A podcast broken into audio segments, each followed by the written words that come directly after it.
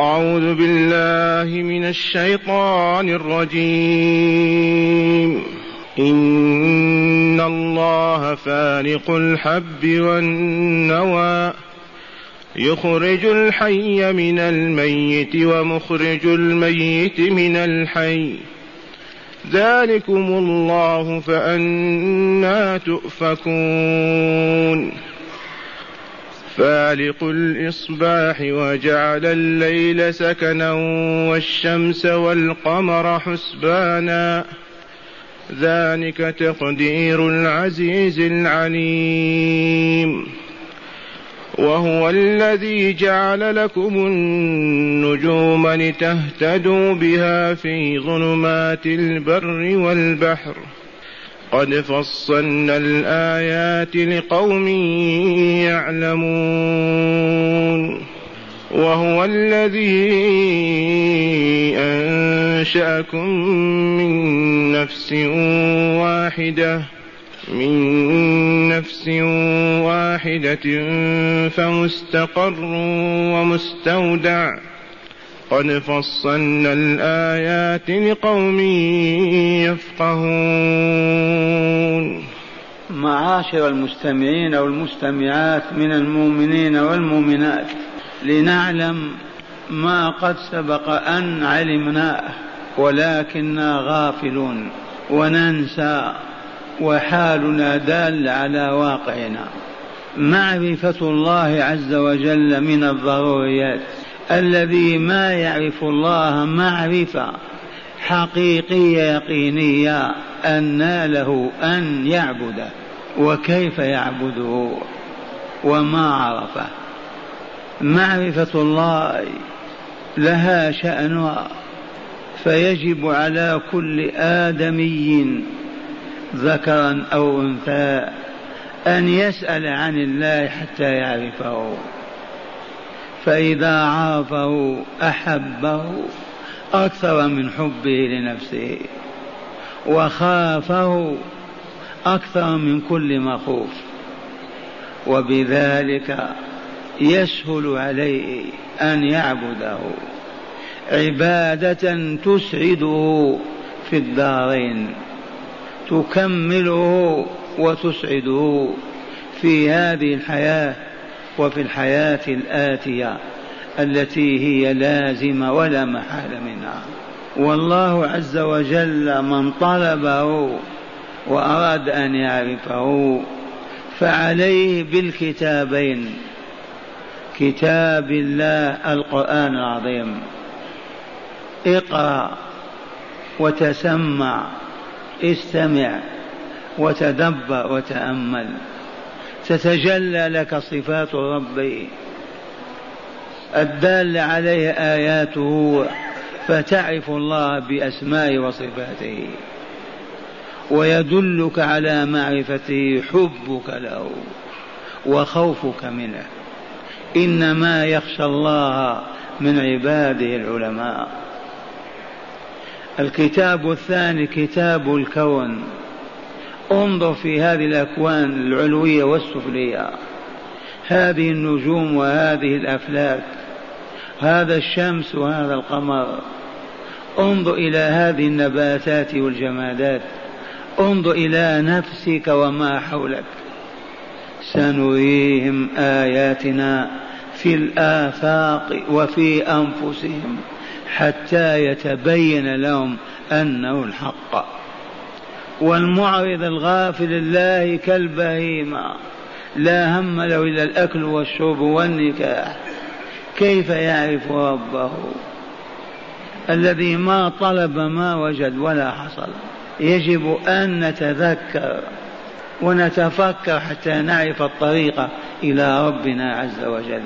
وها نحن مع هذه الآيات الثلاث والتي بعدها يقول تعالى إن الله فالق الحب والنوى.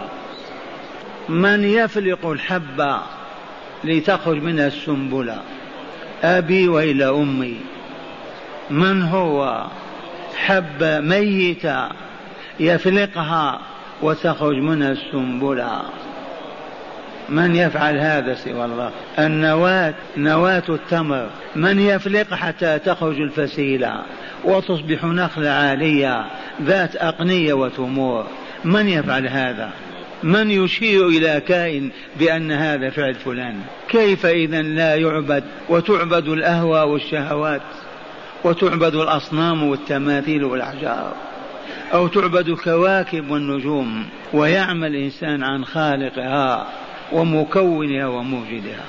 إن الله يا من أعرضوا عن ذكره وأقبلوا عن دنياهم وهواهم وتمثت لهم الشياطين في أصنام وأحجار وعبدوها. اعلموا أن الله فالق الحب والنوى. ولا أحد في الكون يفلق الحبة ليخرج منها الزرع أو يفلق النواة ليخرج منها الشجرة أو يخرج منها النخلة. من فعل هذا؟ ما هناك جواب إلا الله. إذا لما لا يحب ولا يخاف؟ لما يلتفت إلى غيره ويترك هو. ثانيا يخرج الحي من الميت ومخرج الميت من الحي. ولهذا صور يخرج الحي من الميت. النطفة المذرة ميتة. من يخرج منها إنسانا ذكرا أنثى طفلا أو طفلا يد الإنسان أطباء الناس السحرة. الجواب لا أحد إلا الله. وهذا الإنسان الحي من يخرج منه تلك النطفة المذرة؟ من أوجدها فيه؟ من أخرجها منه؟ الحب الميت يخرج الله منه حيا سنابل وأشجار والسنابل والأشجار يخرج منها حبا ميتا. وأقرب من هذا البيضة تخرج منها الدجاجة.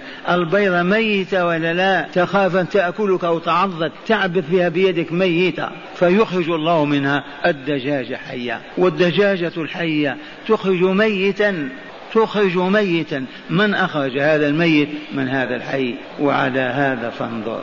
هل هناك من يشارك الله في هذا؟ في الكون كله. ليس هو إلا الله. فلهذا يجب أن لا يكون إلا الله معبود العالمين. لما تعبد الأهواء والدنيا والشهوات؟ وتعبد الأصنام والأحجار؟ وتعبد بعض المخلوقات؟ كما عبدوا عيسى وأله وأل أمه كما عبدوا اللات والعزى ومناة من أوثان الجاهلية الأولى. إن الله جل جلاله وعظم سلطانه هو فالق الحب والنوى.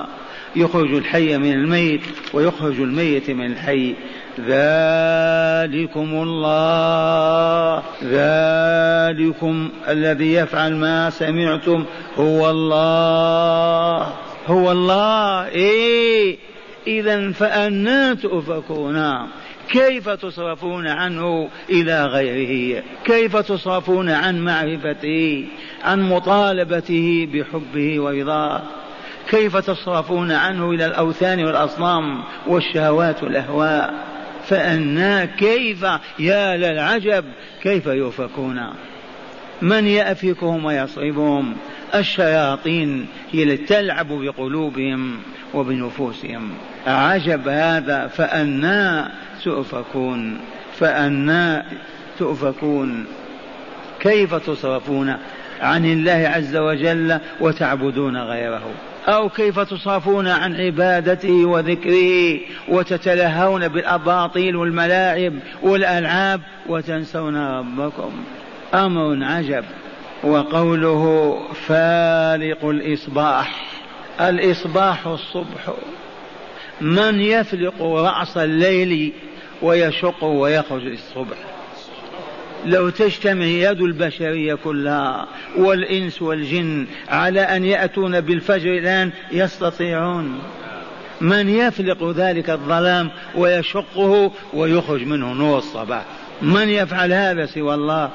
كيف لا يتعرف إليه؟ كيف لا يعبد؟ كيف لا يذل له ويخضع؟ كيف وكيف وكيف؟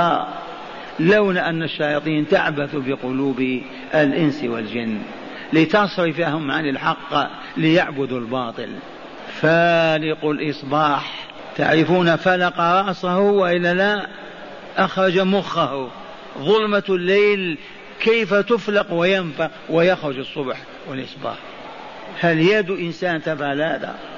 لو اجتمعت البشرية كلها ما تفعل هذا. ويفعل الله هذا لماذا؟ لأنه في حاجة إليه. لا والله ولكنه من أجلك يا ابن آدم. من أجلك أيها الإنسان فاذكر هذا نعمة عليك واشكر الله عليها. فالق الإصباح وجعل الليل سكنا. وجعل الليل سكنا تسكن فيه الأبدان والأرواح وتسترجع ما فقدته من عمل النهار فيسكن كل شيء في الإنسان ويهدى ويستقر وينام. نوما يعوضه طاقاته التي بددها في النهار في أعماله. والآن اضحك يا سعد ما شكرنا هذه النعمة والآن نحن الذين نشكوه أننا حولنا الليل إلى نهار. عكسنا مراد الله. أحلف لو كنت أملك لما زدت على الكهرباء من بعد العشاء بساعة ونطفئها. الآن أطفالهم أولادهم يلعبون طول الليل. نساءهم رجالهم. نعكس مراد الله. هل يليق هذا؟ هل رسول الله ما علم؟ نهى رسول الله المؤمنين عن النوم عن ماذا؟ عن الحديث والتحدث بعد صلاة العشاء ليناموا. ولم يسمح إلا مداعبة الضيف أو سؤال علمي أو زوجة تلاعبها من بعد صلاة العشاء. نهى عن النوم قبل صلاة العشاء. والله العظيم مكروه أن تنام قبل صلاة العشاء. ونهى عن الحديث بعد صلاة العشاء. هذه التعاليم المحمدية. وعكسنا وأصبح الليل كله كالنهار. وتأتي في عجائب المفاسد والشرور. وخاصة الأحداث يتيهون. الليل. لو كان الظلام دامسا عام في من يخرج ثم في أوروبا يختلف الوضع عندنا. ما تبيت الدنيا مصابيح الناس في أبدا. جاء الليل يقل ذلك النور تلك الهيئة وذلك الهيجان. دعنا من الكفار نحن نقول امتن الله علينا بأن جعل الليل سكنا فقلنا نجعله حركة بدل السكون حركة. ثم لو كنا نعمل بجد نصنع ننتج مضطرين نقول ممكن يعفو الله عنا في حاجة إلى هذا العمل لكن فقط كله له أحاديث وباطل. المفروض إذا صلينا العشاء نغلق أبوابنا لا دكان ولا مصنع ولا معمل والناس في بيوتهم يذكرون الله وينامون. ليستيقظوا آخر الليل على الأقل مع الفجر ليصلوا صلاة الصبح. الآن كفرنا هذه النعمة. جحدناها أنكرناها ما بالينا بها. وجعل, وجعل الليل سكنا يسكن فيه الإنسان برا أو فاجرا كافرا أو مؤمنا. من فعل هذا؟ الله جل جلاله وعظم سلطانه. كيف نعاكسه؟ والشمس والقمر حسبانا. ماذا نقول عن الشمس والقمر؟ ماذا نعرف؟ لو تطلعون على ما قرره علماء الفلك بواسطة هذه الأجهزة لعرفنا أن النجوم ملايين وأن من النجوم ما هو أكبر من شمسنا هذه التي أكبر من الأرض بمليون ونصف مليون مرة. وأن الأبعاد بين هذه الكواكب لا تقاس بالكيلومتر والمليمتر تقاس فقط باللحظة والثانية والساعة. لا إله إلا الله. من أوجد هذا العالم العلوي من أوجد هذه النجوم وامتن علينا بنعمة أننا نعرف بها الطريق إلى ديارنا إلى أقاليمنا. إذا سافرنا في البحر في البحر في أعلام تدل على طريقك لولا الكواكب. والبر كذلك لو لم تكن طرق معبدة. كيف تعرف الشرق من الغرب؟ تتيه لكن بالكواكب تعرف. من كوكب هذه الكواكب؟ من نظمها في الملكوت الأعلى. ليس إلا الله. إذا فوالله لا إله إلا الله. وأقبح إنسان من عرف غير الله وعبد غير الله. وهو الفاعل العزيز الحكيم. والشمس والقمر حسبانا بدقة بنظام الحساب بحيث ولا ثانية ولا لحظة ولا دقيقة. وبذلك عرفنا ساعات الليل وساعات النهار وعرفنا الأيام والأسابيع والشهور والسنين. وفي ذلك مصالحنا وعهودنا وعقودنا وما إلى ذلك. كيف نعرف أوقات الصلاة أوقات الصيام كيف نعرف الحج كيف وكيف؟ لولا الشمس والقمر. وجعل الليل سكنا والشمس والقمر حسبانا. ذلك الذي سمعتم مما يحار فيه العقل البشري. ذلك مما يسلم فيه إلا إلى الله. تقدير ايجاد وتنظيم العزيز الغالب. الذي لا يغلب أبدا. العليم بدقائق الأمور وجلائلها ظواهر وبواطنها اسراه اعلانها كل ما في الأكوان العلوية والسفلية به تعالى عليم. لا يخفى عليه من أمر الأكوان شيء. كيف لا يحب هذا؟ كيف لا يخاف؟ أريكم فضيحتنا وإلا لا؟ والله لو عرفنا معرفة حقيقية لكانت فرائصنا ترتعد إذا تكلمنا معه. ونقف نصلي وقلوبنا لاهية وأبصارنا تائهة وأجسامنا خافتة. أنت مع من تتحدث؟ مع أنت مع من تتكلم فصلاتنا كلها لا شيء. لما ما نتلذذ بالكلام معه لما لما نتكلم مع صديق أو قريب أو كذا نجد لذاذة الكلام وننشرح الصدى ونطيب. وتكلم مع, مع الله كأنك تتكلم مع ميت. هذه زلة عظيمة هذا وقوعنا. ذلك الذي سمعتم تقدير من إيجاد من تدبير من؟ العزيز العليم. غلب وعز لا تقهر وعلم لا يخفى على شيء. كيف ما يخاف هذا؟ كيف ما ترتعد منه النفوس والقلوب؟ كيف يعصى؟ كيف لا يطلب؟ وكيف لا يتعرف إليه؟ العزيز العليم. وفي الآية الثالثة يقول وهو الذي جعل لكم النجوم لتهتدوا بها في ظلمات البر والبحر. ماذا عرفنا عن النجوم؟ ولا شيء. أولا هذه النجوم تعد الحصى في الوادي ولا تعدها. والنجوم ليست فيه نجم ما يصل نوره إلينا إلا بعد سنتين ثلاثة حتى يصل النور. فيه نجوم أكبر من الشمس. والتباعد بينها لا تقدره أبدا. المسافات بالسنين يقولون. هذه النجوم من نجمها من أظهر أوجدها. وجدت من نفسها عبث هذا والسخرية والذي يقول هذا يصف على وجهه. ما تستطيع أن تثبت أن كاس من الماء جاء بنفسه. ما تستطيع العمود كهذا هذا وجد بنفسه. كيف هذه الأكوان توجد نفسها؟ أين عقلك يا ابن آدم؟ لا خالق إلا الله. الله هو الخالق. ألا له الخلق والأمر. تبارك الله رب العالمين. لتهتدوا بها في ظلمات البر والبحر.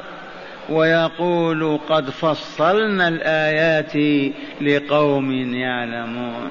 إي والله إي والله فصلها بينها شرحها ظهر أظهرها.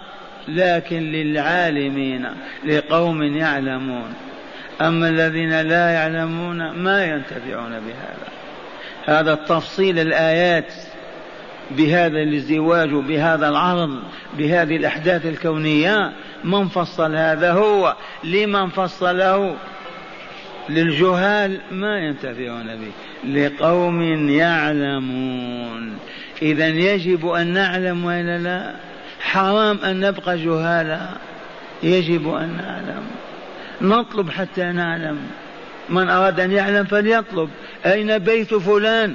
في الشارع الفلاني. علم وإلا لا؟ لمن هذه السيارة؟ لراضي. علم وإلا لا؟ إذا لم تسأل كيف تعلم؟ يجب أن نسأل حتى نعلم.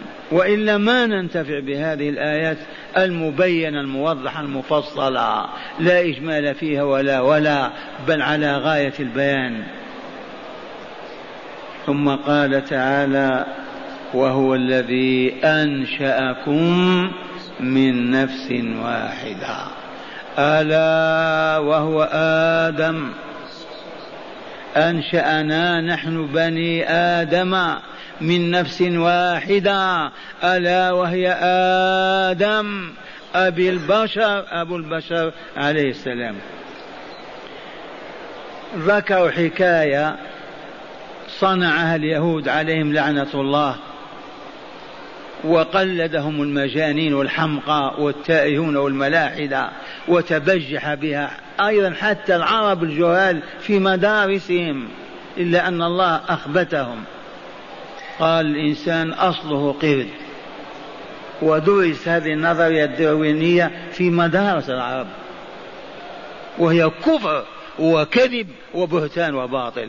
وانفضحوا دفنوا رأس خنزير وإلا كلب في الأرض كذا سنة وأخرجوا قالوا هذا هو أصل الإنسان أصل القرد وتبجح بها الملاحدة وصفق لها اللائكيون الذين لا يؤمنون بالله وقالوا الإنسان أصل خلق الذي يقول هذه الكلمة كذب وكذب الله والبشرية كلها ولعنة الله عليه حيا وميتا. الله تولى خلق آدم على أجمل صورة أحسن تقويم وتقول لا أصل الإنسان قرد. وتطور القرد لما ما تطورت البغال والحمير والذئاب والكلاب وبقيت على صورتها والقرد فقد يتطور. بكينا وندبنا أيام كانت شائعة الفكرة من ثلاثين سنة في مدارسنا نظرية الدروينية. والله يقول خلقكم من نفس واحدة.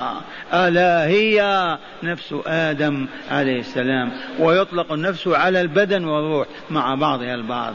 كل نفس ذائقة. كل إنسان.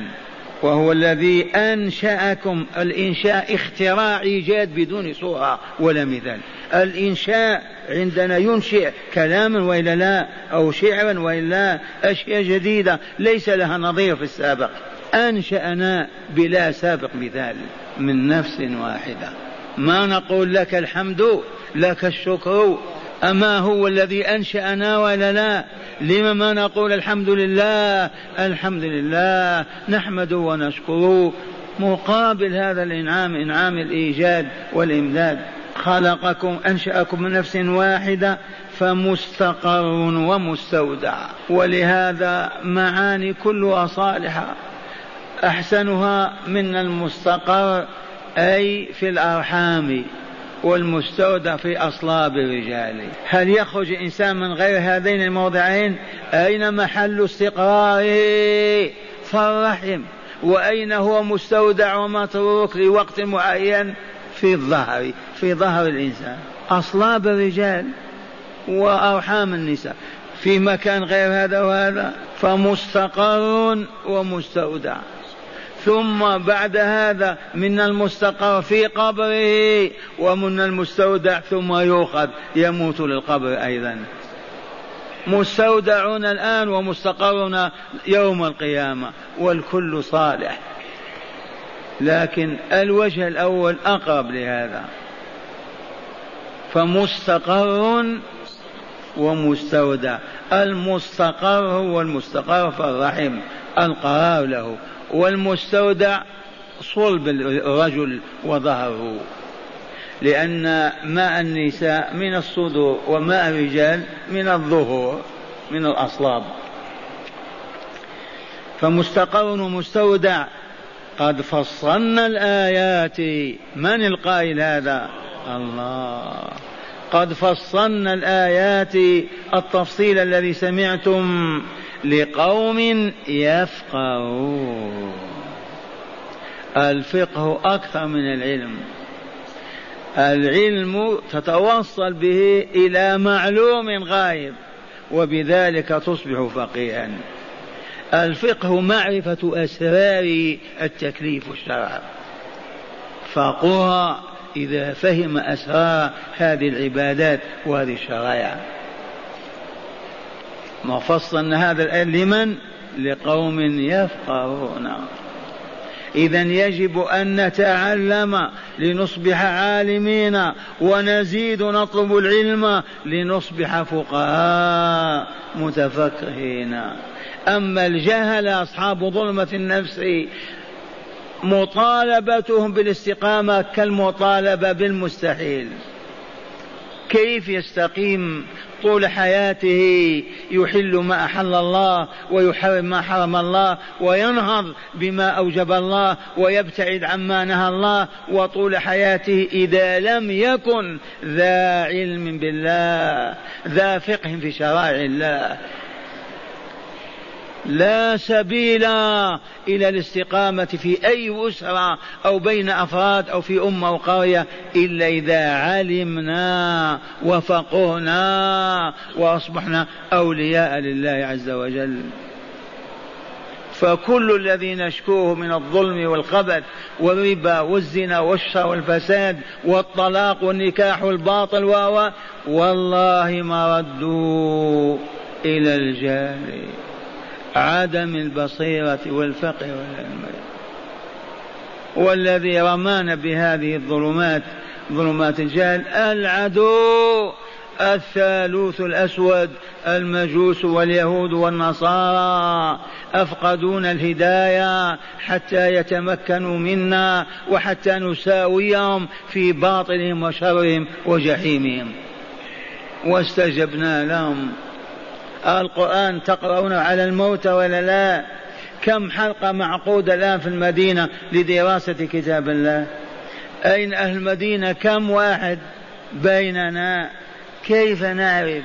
كيف نتصل بربنا؟ كيف نحقق ولايتنا به عز وجل؟ ونحن معرضون تائهون. وأسفاه وحسرتاه ولكن ما شاء الله كان معاشر المستمعين يا طلاب ولاية الله. عرفتم من محاب البارحة ما ماذا عرفتم؟ نسيتم. سبحان الله وبحمده. سبحان الله العظيم. هل تملقتموه بها؟ هل طلبتم رضاه بها؟ هل قلتموها بعد صلاتكم في نومكم في يقظتكم؟ والآن مع المكاره أي مع ما يكره الله لنعرفه أولا ثم لنتركه إن كنا فاعليه ثانيا ثم لنتجنبه أبدا. لأننا نريد ولايته وولايته لا تتحقق إلا بحب ما يحب. وترك ما وكره ما يكره. وإذا أحب الله قولا أو عقيدة أو عمل يجب أن نعتقد ونقول ونعمل. وإذا كره مثل ذلك يجب أن نترك حتى نحقق ولايته لنا فنصبح ممن لا خوف عليهم ولا هم يحزنون. قال هنا الشرك بالله وقتل النفس والزنا كم مكروه ثلاثة. الشرك بالله وقتل النفس والزنا. ولنستمع إلى رسول الله صلى الله عليه وسلم وهو يسأل عن أعظم الذنوب. فيقول السائل أي الذنب أعظم يا رسول الله؟ فيقول الرسول صلى الله عليه وسلم أن تجعل لله ندا وهو خلقك. أن تجعل الله ضدا تضاده به فتعبده معه أو تحبه بحب الله أو تكره كما تكره. ما يكره الله. أن تجعل لله ندا والحال أنه خلقك. ما خلقك ذاك الند حتى تعبده معه. هو مخلوق لله. ثم يقول السائل ثم أي؟ فيقول الرسول صلى الله عليه وسلم أن تقتل ولدك خشية أن يأكل معك. إذ كانوا يقتلون أولادهم في سن الحاجة والجد وعدم الكذا فيقتلون الأطفال الصغار أو يسقطونها من البطون حتى لا يضطروا إلى إطعامها وهم لا يجدون. الإجهاض الطبي معروف معلوم. أيضا عندنا أربع أولاد يكفي ثلاثة ما نستطيع أن نعيشهم. كذا فيسقطون الأجنة أو يستعملون الحبوب لمنع الأولاد وهو ضرب من من القتل ولا فرق. أن تقتل ولدك خشية أن يطعم معك. ثم يقول السائل ثم أي؟ فيجيب رسول الله صلى الله عليه وسلم قائلا أن تزني وفي لفظ أن تزاني بحليلة جارك. الزنا أبشع ما يكون. الكفر الشرك وقتل النفس والزنا. هذا هو الترتيب. الزنا ولكن إذا كان بامرأة جارك أفظع ما يكون. لأن جارك أنت الذي تحميه وتدفع عنه القائلة وتدفع عنه السوء فكيف أنت ترجو بامرأته أو بابنته؟ قال قال السائل ولو زدته أسئلة لزادني. صلى الله عليه وسلم. فهذه ثلاث عظائم من عظائم الذنوب المبغوضات إلى الله. المكروهات له. فاحذرها يا عبد الله الطالب لولاية الله عز وجل. وليكن حذرك كما يلي.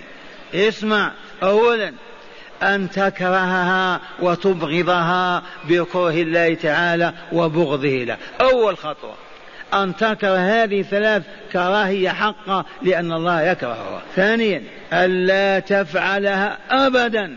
ألا تشرك ولا تقتل نفسه ولا تزني. ثالثا أن تكره وتبغض بكره الله تعالى وبغضه كل من يفعلها من الناس. قريبا كان أو بعيدا مؤمنا أو كافرا. تكره ما يكره الله. أما يكره الله من يفعل هذه ويبغضه فاكرهه أنت وأبغضه ببغض الله وكرهه يا طالب ولاية الله. والآن ثانيا أن تكره أذى كل مؤمن ومؤمنة. هذا المكروه الرابع. أن تكره أذى كل مؤمن ومؤمنة.